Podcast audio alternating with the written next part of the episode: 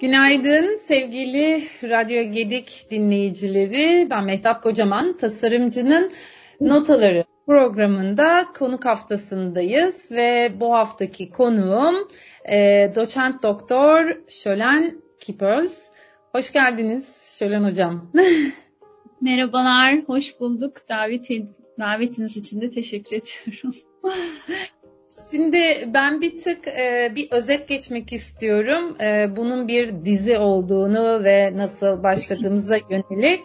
E, bir süredir çünkü Devri Daim'in kurucu ortaklarından sevgili Yasemin Uluçınar ile beraber e, seri olarak döngüsel moda konusuna eğiliyoruz. Ve bu haftada dördüncü bölümü e, ile e, karşınızdayız. Bu programı yapıyoruz. E, ilk programda Devri Daim mi konuştuk. İkinci bölüm adı altında döngüsel moda e, konusunu devri daim tarafından değindik. E, üçüncü bölümde tekstil üreticisi, tasarımcı ve tüketicisi gözünden e, Brother Türkiye e, temsilcisi e, Batuhan e, Demirkök ile e, programı hazırladık. Ve bugün de e, dördüncü bölüm ile e, Şölen Hocam'la e, sürdürülebilir moda tasarımına, e, işte kıyafetlerin öteki yaşamlarına, kendi araştırmaları üzerinden değineceğiz. Kabaca ben e, böyle bir değindim ama m, şimdi ilk etapta tabii sizi e, tanımayı çok isterim. E, moda tasarımı ile ve bu sürdürülebilir moda tasarımı e, üzerin den neler yapıyoruz? Ee, siz nelere aslında e, parmak basıyorsunuz? Bir onları sizin ağzınızdan, sizin cümlelerinizden dinleyelim derim. Ee, yani ben e, evet bir tasarımcıyım ama aynı zamanda bir akademisyenim. Yazıyorum da. Son zamanlarda biraz işte onları yaptıklarımı dile getiriyorum. Ee, bir yolculuk aslında böyle bir 15 sene öncesine dayanan bir yolculuk, sürdürülebilir modaya ilişkin yolculuk. Ee, bir farkındalık vardı. Ben de tüketiciydim. Genç bir e, hanımken herkes gibi belki sorumsuz bir tüketiciydim. Ee, ama zamanla biraz işte moda sisteminin sanki farklı bir yüzü olduğunu da e, keşfettim. E, akademik anlamda beni e, e, yani birazcık daha uyandıran verdiğim bir ders olmuştu. E, bizim üniversitemizde tasarım çalışmaları diye bir program var, master programı ve orada yaklaşık işte 12 yıldır bir e, tasarımda e, etik ve sosyal sorumluluk diye bir ders e, veriyorum. Ee, ve orada öğrencilerle okuduğum makaleler, özellikle bir e, modanın yavaşlıkla olan ilişkisine yönelik bir makale, Hazel Clark tarafından yazılmış bir makale. Daha sonra kendisi benim Modada Yavaşlık kitabımın e, eş yazarlarından bir tanesi de oldu. Öyle bir şansa sahip oldum e, orada bir sorgulama vardı. Yani aslında bu ilişki oksimoron mu yoksa gelecek için bir umut mu e, ifade ediyor diye ve ben hani bunu çok ciddi anlamda sorgulamaya başladım ve e, hep yazarken ve bir şeyler, bir düşünceler üretirken yaparak üretiyorum. Ben öyle bir akademisyenim. Hep bir şeyleri denemem lazım. Yani paradigmalarını keşfetmem lazım ve o yıllarda da tabii ki hani en kolay şey bir şeyleri dönüştürmek. Yani ben de inanılmaz bir eski kıyafet toplayıcısıyım. İşte anneannemden, e, teyzelerimden, o birinci kuşak, ikinci kuşak, o bütün kadın kuşaklarının böyle her şeylerini çok kıymetli bir e, şey gibi, hazine gibi biriktiren bir e, tiptim. Ve onlara hiçbir şey yapamıyordum. Sonuçta işte bu bunu okuduğum zaman hayatımda gene çok kıymetli olan başka bir kadın olan anneannemin bana hediye ettiği bir kıyafet üzerinden ilk dönüştürme pratiğine başladım ve işte orada Ahimsa adlı aslında işte Gandhi'nin bu şiddetsizlik e, ilkesi üzerinden bir e, kıyafetlerin öteki yaşamı diye bir sergi açtım. Hepsi aslında tüketici atıklarıydı e, atıl olan kıyafetlerdi ve bir yani o yıllarda tabii buna geri dönüşüm deniyordu. Şimdi ileri dönüşüm deniyor, üst dönüşüm deniyor. E, böylece döngüsel aslında tasarım pratiğime de başlayıp e, sonrasında da e, bu pratiklere başka e, atık olabilecek olan kıyafet ve tekstil e, malzemeleriyle devam edip farklı döngüsel tasarım metotları e, keşfetmeye çalıştım. E, bunların e, sonrasında da tabii işbirlikçi tasarım dediğimiz ya da katılımcı e, tasarım pratikleri diyebileceğimiz daha çok topluluklarla birlikte bir şey üretmeye pratikleri de oldu. E, işte dediğim gibi de bunları aslında hepsini böyle bir derdim neydi, hani neler yaptım şeklinde dile getirmek istediğimde Sürdürülebilir Moda diye bir kitap ortaya çıktı. Sürdürülebilir Moda kitabı farklı bir kitap çünkü benim çalışmalarımı okuyan farklı disiplinlerden akademisyenlerin o çalışmaları yorumladığı bir kitap oldu. Hem de benim o işte çalışmaları e, dokümante ettiğim bir kitap oldu. Sonrasında da e, pandemi zamanında bir modada yavaşlık kitabı çıktı. E, böyle e, işte biraz editorial kitaplar bunlar aslında daha kolektif e, ve akademik e, okumaları olan kitaplar. E, öyle devam ediyorum. Mikro topluluklarla işte atölyeler yapmaya bir şekilde hani konuşmalar yapıyorum. Bir yani buluşmaya çalışıyorum insanlarla. Yani üniversite dışında da farklı kitlelerle buluşmaya çalışıyorum ama zaten e, üniversitede de e, bu konunun gerçekten hani akademik olarak benimsenmesine çaba göstermeye gayret ediyorum bir şekilde hani verdiğim derslerle, uygulamalarla. Öyle e, kısaca öyle aktarabilirim e, kendi perspektifimi. Siz tabii anlattıkça benim böyle kafamda bir milyonlarca sorular beliriyor. Ee, nereden başlasam onu bir düşündüm.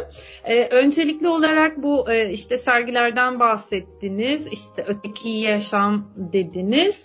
Ee, buradaki tabii e, sergileme e, e, sonucu olarak yani ürün kısmında aslında o öteki yaşamlarda e, bu nasıl e, bir izlenilen e, bir e, sergi elemanı olarak ortaya çıktı. Yani mesela şey dediniz işte topladığınız bulduğunuz kıyafetleri öteki yaşamlar sergi adı altında izleyiciye bir bir şeyler gösterdiniz.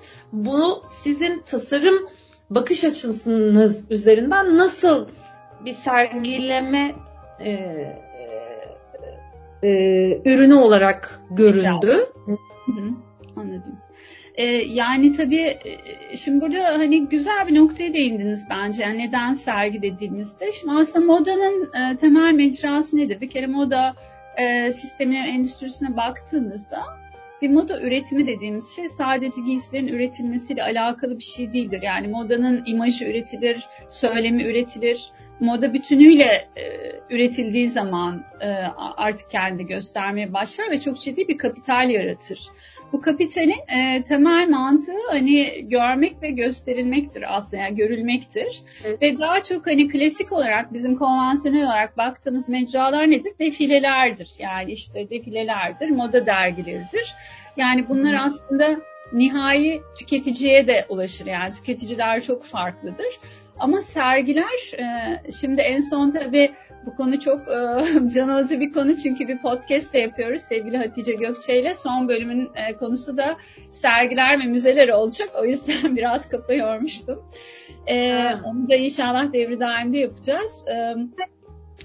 ama sergiler daha sanatsal mecralardır. Çünkü eğer bir moda tasarımcısı sergi açarak yani ürettiği nesneyi ya da yarattığı işte e, objeyi bir şekilde paylaşmak istiyorsa e, orada artık e, kandırmıyor kimseyi. Yani birazcık hani böyle bir şey var. Olduğu gibi onu bir materyal bir nesne olarak bir kere sunmak istiyor ve de tabii ki sergilerin söylemsel olarak okunması gerektiği için e, oradaki aslında yaratma edimini arkasındaki felsefeyi de çok e, uzun soluklu olarak izleyicinin anlamasına yönelik yani müsait olan bir mecra e, oluşturuyor. O sergiye gelen birisi e, bütün o yaratım süreciyle e, bir şekilde hemhal oluyor ve onu hani nasıl yapıldı? Yani bu iş nasıl üretildi? Hani e, bunun arkasındaki malzeme nedir felsefe nedir? E, okumalarla, incelemelerle, üç boyutlu olarak etrafında dönmelerle falan e, anlıyor. Ama bir defilede ya da bir moda fotoğrafında bunu asla yapamazsınız. Yani o bir illüzyondur aslında. E, o yüzden sergi mecrasını tabii ki tercih ediyoruz. Um, Çok haklısınız bu noktada. Evet. Siz anlatırken, e, e, pardon eğer kestiysem, e, siz anlatırken benim e, yakın zamanda e, izlediğim yani tecrübe etmiş olduğum Yves Lauren'in e, Morocco şey Fas'taki e, Marrakeş'teki e, hem binas yani sırf o sergi ve o e, o bunun sergilenmesi için yapıldı. Yani evet. mimari ve e, modanın e, tek kalemde bütünleştiği en azından benim bildiğim e, en e, biricik örneklerinden bir tanesi. Hem üç boyutlu olarak e, yıllara yani tarihsel süreç içerisinde tasarımın orada nasıl yansıdığını, ürünlerin nasıl kullanıldığını, rengin hangi rengin seçildiği ve işte orada e, bu sürdürülebilirlikle ilgili siz tabii ilave olarak e, bunun dünyaya nasıl bir katkısı olabilir gibi e, ileri dönüşten bahsediyoruz. Hani bununla eklemlenmesi muazzam bir şey e, olurdu diye böyle bir e, kafamda üç boyutlu bir şeyler dönmeye başladı. E, peki e, buradan şuna e, şey e, soracağım, bu şuraya döneceğim. Bu döngüsel moda ve sürdürülebilir moda arasında e, ki e, yakınlıklar neler, e, farklılıklar neler? Bundan bahsedebilir miyiz? Böyle Tabii. bir şeyden söz etmek ee, mümkün mü?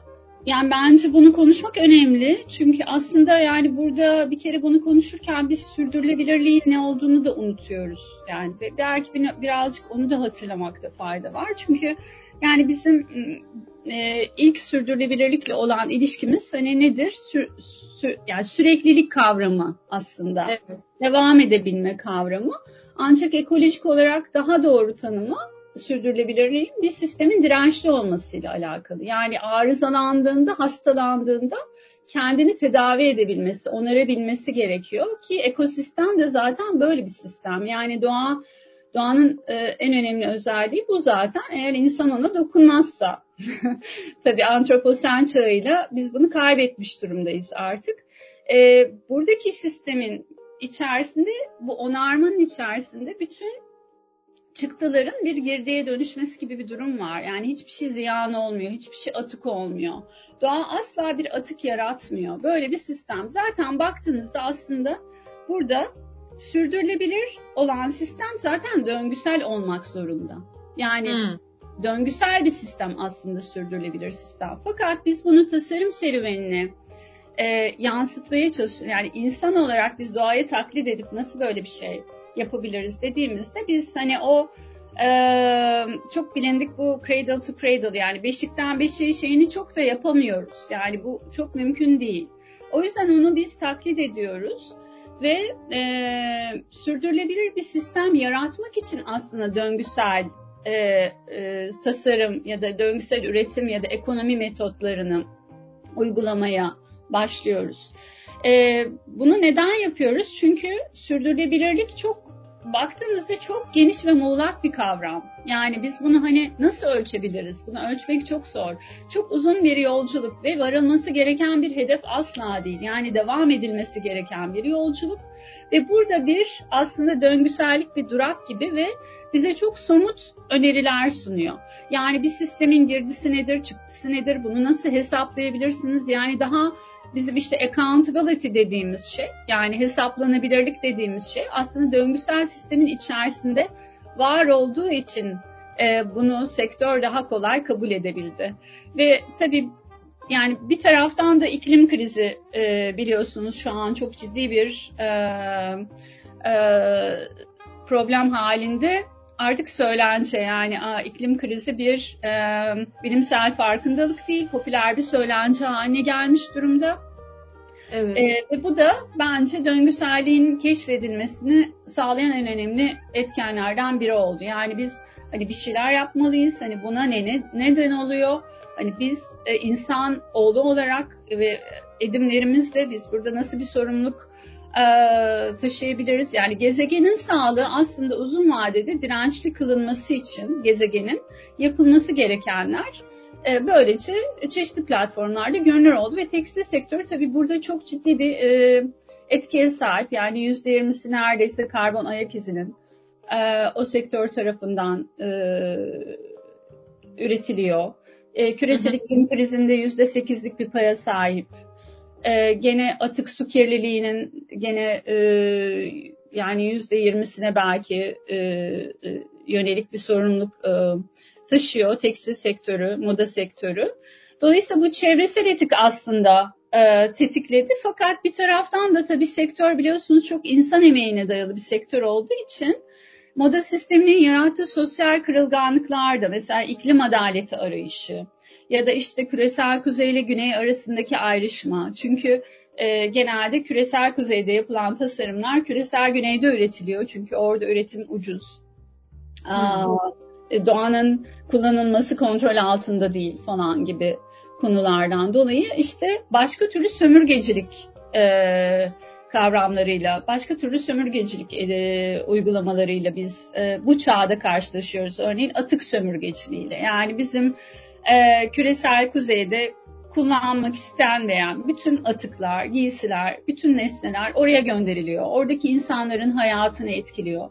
Bu insanlar zorunlu olarak işte ileri dönüştürücü olmak zorundalar ve çok azını kullanabiliyorlar. Yani e, yani çok ciddi anlamda bu işin sosyal boyutu da var ve bir adil geçiş sağlanması gerekiyor. Yani sadece gezegeni kurtarmamız gerekmiyor ama aynı zamanda sosyal olarak sosyal döngüselliği de gerçekleştirmemiz gerekiyor ve kültürel döngüselliği de. Örneğin ya da bir eğer bir yerel toplulukla çalışıyorsanız, onlarla bir iş yapıyorsanız, onlardan aldığınız kadar geri vermeniz gerekiyor zaten. Benim çalışmalarımın çoğunda bir yoga felsefesi var Mehtap Hanım. Yani hepsinde hemen hemen uzun yıllar yogayı pratikledim ve e, ahimsa bir yoga felsefesi. Başka bir sergim Asteya'ydı ve çalmamak demek aslında. Ya da Hı aldığınız kadar vermeniz gerekiyor. E, bir e, kaynaktan, bir varlıktan, bir kaynaktan, bir topluluktan eğer sadece alıp geri vermiyorsanız bu döngüsel bir sistem değil. E, bu sadece o hiyerarşik olarak doğrusal, neoliberal olan kapitalist sistemin kendini beslemesi için e, işine yarayan bir şey oluyor, bir eylem oluyor. E, günün sonunda e, yani ayrıştırmak da belki sürdürülebilirlik ve döngüselliği biraz kavramsal olarak daha farklı rotalar ama çok da mümkün değil gibi yani e, diyebilirim. Çok güzel değindiniz. Bu sadece e, tasarım bakış açısı açısı tasarım bakış açısı üzerinden değil, e, insan ilişkileri üzerinden de ele almak aslında çok faydalı e, bir e, alan konu olur diye düşünüyorum. Biraz önce e, doğayı taklit etmekten bahsettiniz. Yani modada, moda tasarımı başlığı adı altında e, doğayı e, nasıl aslında taklit edebiliriz? Yani e, direkt e, ürün bazında konuşuyorum. Yani e, süreç bazında veya kültürel yapıda değil de e, fiziksel anlamda baktığımız zaman bu doğayı taklit etme konusu nasıl e, uygulanabilir? Yani materyal olabilir. Bundan belki bahsedebiliriz. E, bilmediğim için soruyorum. Yani şimdi tabii e, yani onun bilimsel şeyi biyomimikri aslında. Döngü yani döngüsel e, ekonominin e, döngüsel ekonominin farklı e, rotaları var. Yeşil ekonomi, mavi ekonomi falan, e, cradle to cradle approach falan gibi. Yani biyomimikri bir e, bir türü onun sadece. Bu tek yöntem değil ama şu anda daha çok doğayı taklit etmekten çok doğayla işbirliği yapmaktan bahsetmeliyiz biz aslında. Hı hı. Ee, nasıl yani teknolojiyle nasıl işbirliği yapıyorsak doğayla da öyle işbirliği yapmamız gerekiyor. Ee, dolayısıyla tabii ki burada ekotasarım denen kavram e, yani yeşil mutabakatın da önerdiği ekotasarım denen kavram çok öne çıkıyor. Çünkü e, baktığımızda e, giysi neden yapılıyor? Bir malzemeden yapılıyor. Bu bir kumaş. E, yani ve ürettiğimiz her malzeme için doğadan bir yani doğal varlık diyoruz artık buna kaynak da demiyoruz. Doğadan bir şey alıyoruz biz. Yani aslında çalıyoruz. Çünkü doğa bedava bir süpermarket şu anda bize. Hiçbir bedel ödemek zorunda olmadığımız. Hmm. Şimdi bunu tabii böyle ürettiğimiz için e, işin sosyal boyutundan da bahsettim ama tabii malzemelerle ilgili daha çok ekolojik boyutu öne çıkıyor. E, baktığınızda verilere %70 oranında e, karbon ayak izinin yani fosil yakıtların bugün küresel iklim krizine neden olan etkinin %70 oranında malzemelerden geldiğini görüyoruz. Dolayısıyla burada bir kere yani eko tasarım uygulaması için öncelikle malzemeleri geri dönmek gibi bir şey başladı. Zaten şu anda bir alışverişe çıkın. Etiket okuyorsanız yani ben mutlaka alışveriş yapmıyorum demiyorum ama mutlaka etiketleri okuyarak alıyorum. Ee, çok yeni nesil liflerin olduğunu görürsünüz. Yani çok ciddi bir devrim var e, malzeme konusunda ve Burada tabii ARGE e, çok ciddi bir yatırım yapıyor. Ne tür malzemeler? Bir kere hani dedik ki karbon ayak izini düşürecek fosil yakıtların azalmasını sağlayacak malzemeler ama süreçler de çok önemli. Mesela yani sizin hangi enerjileri kullanarak bu malzemeleri üretiyorsunuz? Yani kömür yerine elektrik mi kullanıyorsunuz örneğin artık ya da daha az su mu kullanarak bunu yapabiliyorsunuz? Artık bunlar da çok bizim sorumlu olduğumuz e, konular. Çünkü biz gerçekten hani e, hiç ihtiyacımız olmayan bir şey üretmek için kullanıyoruz bütün bu e, varlıkları. E, burada tabii işte döngüsellik dediğimizde biyobozunur olması bir malzemenin. E, yani onu toprağa işte ektiğinizde oradan bir ağaç çıkabiliyor olma olasılığı. Tabii bu da biraz yani aslında böyle düşündüğümüzde greenwashing ıı, konusunun bir uzantısı ya da geri dönüşüm olasılığı olması. Yani bunları yapmak önemli tabii ki yapabiliyor olmak. Ama çok fazla biyo bozunur olan malzeme ürettiğinizde hepsi biyo bozulmayacak, hepsi geri dönüşmeyecek ee, ve siz aslında bütün bu fikirleri daha fazla üretmek için e, kullanıyorsanız döngüselliği de bir aslında yeşil yıkama aracı olarak görüyorsunuz. Yani bunların hepsinin gerçekten e, orantılı ve dengeli olarak yapılması gerekiyor. Diğer taraftan tabii petrol türevi olan şeyleri kullanmamak. E, ya petrol yani pla, e, şey polyester neredeyse artık yeni plastik yani bu hani bunu böyle kabul etmemiz gerekiyor. Yani polyester üretmememiz gerekiyor ama dolabınızda bir polyester giysi varsa o e, bin yıl hiçbir şey olmuyor o giysiye. Dolayısıyla onu saklamak, ee, başka türlü işte e, çevrimlerle aslında farklı kullanımlar yaratmak. Ee, bir tanesi geri dönüşüm ama hepsi geri dönüşemiyor tabii ki. Ee, ya da selülozik liflerle bir şeyler yapabilmek. Bitkisel bazlı olan liflere yönelmek.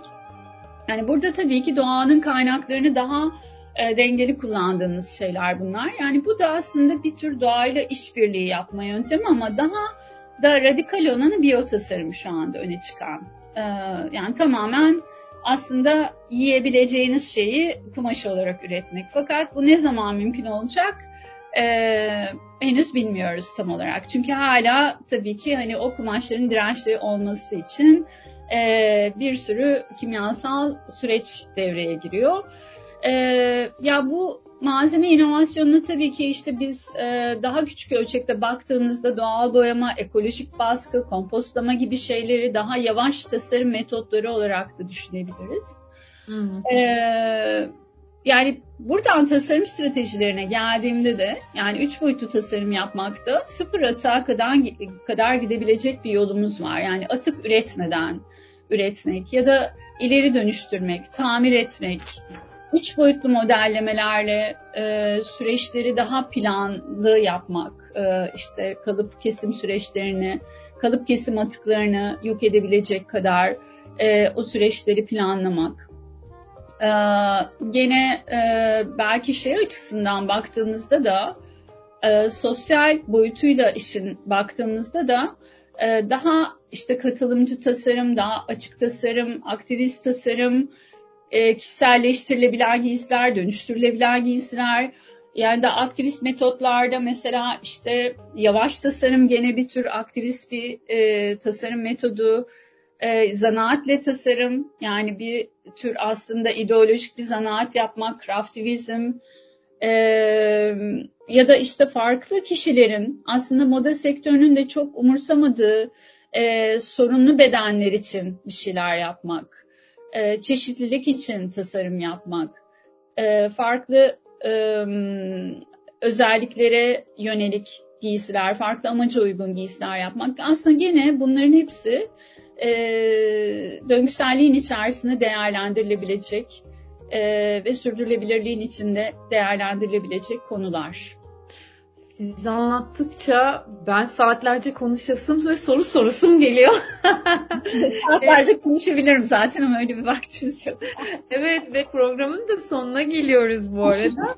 ee, bazı şey e, kafamdaki hmm, ya da not aldığım sorularımı elimine de edebilirim. Çünkü mesela modada yavaşlıktan bahsettim miştiniz ve ben onun nasıl bir şey olduğunu e, merak ediyordum ama siz e, kısa da olsa bir e, kuple aktardınız biraz önce o modadaki e, yavaşlığın neye tekabül ettiği ile alakalı ama bir değinmediğimiz konu var hızlıca belki bir iki dakika ona e, girebiliriz. O da moda tasarımında e, kullanıcı katılımı. Çünkü e, benim kendi e, mimarlık ve e, e, daha evvelki e, hazırlamış olduğum tezimde de köhneleşmiş alanlardaki bölgelerdeki iyileştirme çalışmaları ve bu çalışmalardaki kullanıcı katılımının tasarım sürecine etkisiydi.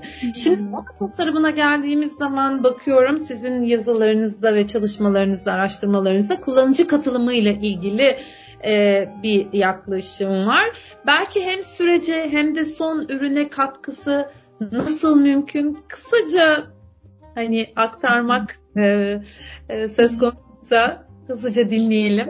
E, şimdi yani burada bir e, yavaşlık da etkin aslında. Yani şöyle etkin. E, çünkü yavaşlık felsefesini yani yavaş moda zaten artık biliyoruz. Yani o bir ölçek. Hani e, Evet. o süreçleri hani tekrardan değinmeyelim ama e, o bir sektör artık yavaş moda yani kabul edilen bir sektör ama bizim mesela kitapta bahsettiğimiz yavaşlık daha çok e, daha aktivist bir duruş. Yani daha bir e, farklı bir düşünce sistemini oluşturuyor ve orada siz e, moda sisteminin size yani bir kullanıcı olarak moda sisteminin size dayattığı zamanı kabul etmek zorunda değilsiniz.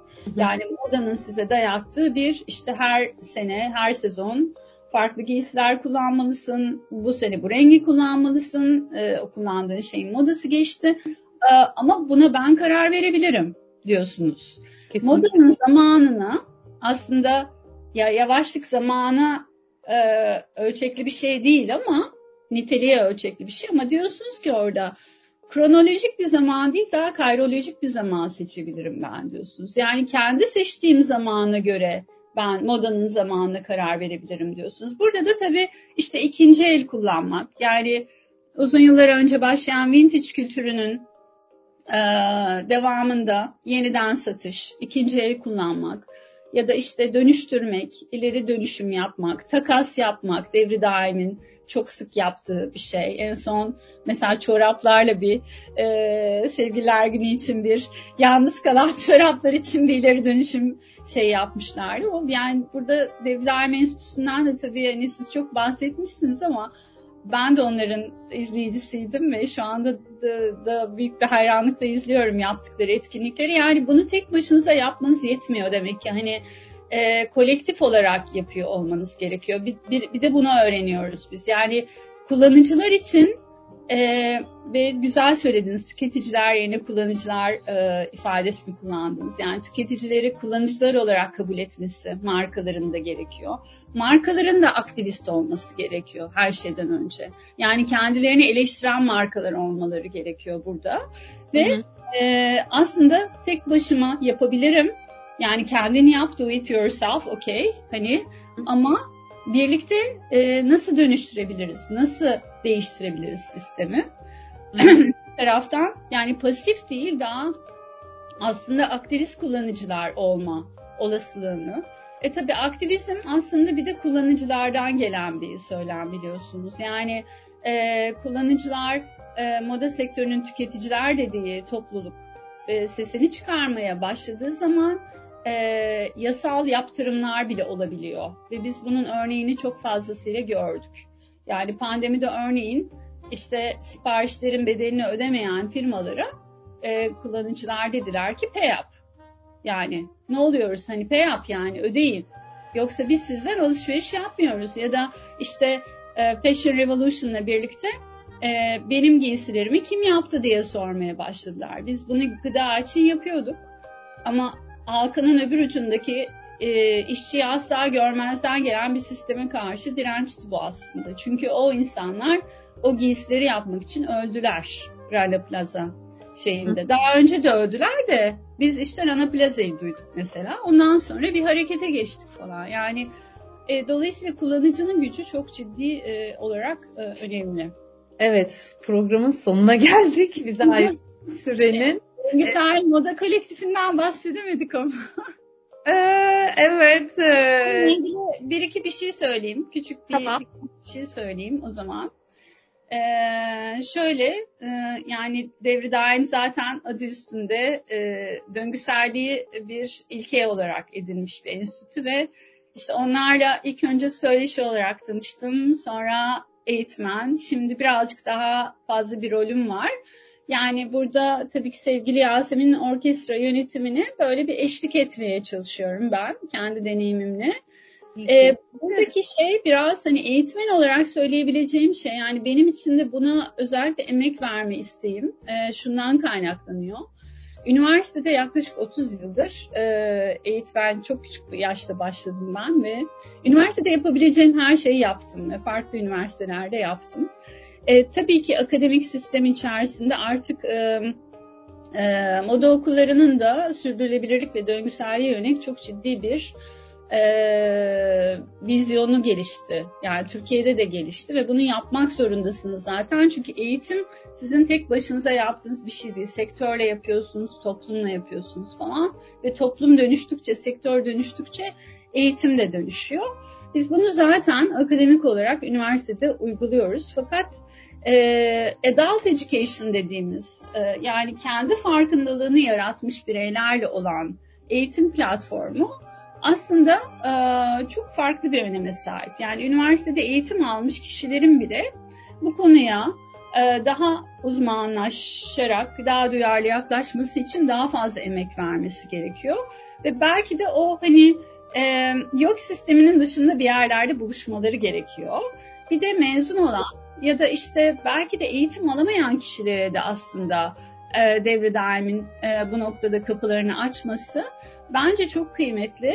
E, ve dolayısıyla hani buna da işte akademi mi diyelim, kolektif mi diyelim diye kendi aramızda konuştuğumuz zaman falan şimdi böyle kolektif olması da sanki böyle e, tabii ki konusunda çok e, ciddi bir bilinçle e, yıllarca çalışmış profesyonel e, kişileri bir araya getiren e, ve onları hani bu deneyimi paylaşmak için yola çıkmış kişilerle bir araya getiren e, bir aktivist bir platform gibi aslında. Yani bu paydaşları olan, yani bu kişilerle paydaşlık yapan, yani sadece pasif eğitim vermeyen ama bu kişilerle kolektif bir bilinçle paydaşlık yapan bir hem kavramsal hem de e, tabii ki böyle gezip de eğlenip de doğanın içinde de yürüyebildiğimiz Kapadokya, işte Hatay gibi yerlerde İstanbul dışında deneyim atölyeleri olan e, bence çok heyecan verici bir program e, ve işte başka yapılara da örnek olabilecek bir program. Yani içinde bulunmaktan son derece mutlu ve heyecanlıyım. Bunları söylemek istedim.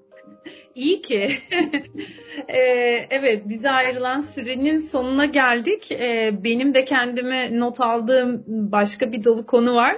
Belki daha sonra bir YouTube ile de e, zenginleştiririz e, bu konuşmayı diye düşünüyorum. Her zaman yaptığım gibi gene programı da e, konuğumun e, din, e, seçtiği bir müzikle e, kapatmak istiyorum. E, Şölen Hocam siz hangi müzikle kapatacağımızı anons eder misiniz? Ee, evet bu genç kuşağa çok hitap etmeyebilir ama yaşım da ortaya çıkacak şimdi. 1970'lerden ee, bir e, şarkı Marvin Gaye'in e, Mercy Mercy Me The Ecology diye bir şarkısı. E, bu zannediyorum pop müzikte e, ilk defa e, gezegenin içinde bulunduğu e, riskle ilgili, e, tehditlerle ilgili yazılmış Hı. e, bir şarkı, çevresel bilinci olan bir şarkı. Böyle bu konuşmaya anlamlı olur diye düşündüm. E, umarım keyif alır dinleyenler. Ee, evet teşekkür ediyorum. Ee, öncelikli olarak şöyle vakit ayırıp e, programımıza e, katıldığınız için. Ee, Yasemin sana da çok teşekkür ediyorum. Bu organizasyonu yaptığın ve dört hafta boyunca e, zaman ayırıp e, bunun içerisinde olduğun için e, ayrıca da. E, ben çok teşekkür ederim. Keyifliydi seninle olmak. Benden de teşekkür. Yasemin, Yasemin. Size de kocaman teşekkür ederim. Hepinize. İyi ki varız. İyi ki. Peki e, sevgili Radyo Gedik dinleyicileri bu haftaki programı e, e, Mercy Mercy Me ile e, kapatıyoruz. Bizi dinlediğiniz için çok teşekkürler. E, iyi haftalar, sevgiyle kalın, hoşçakalın.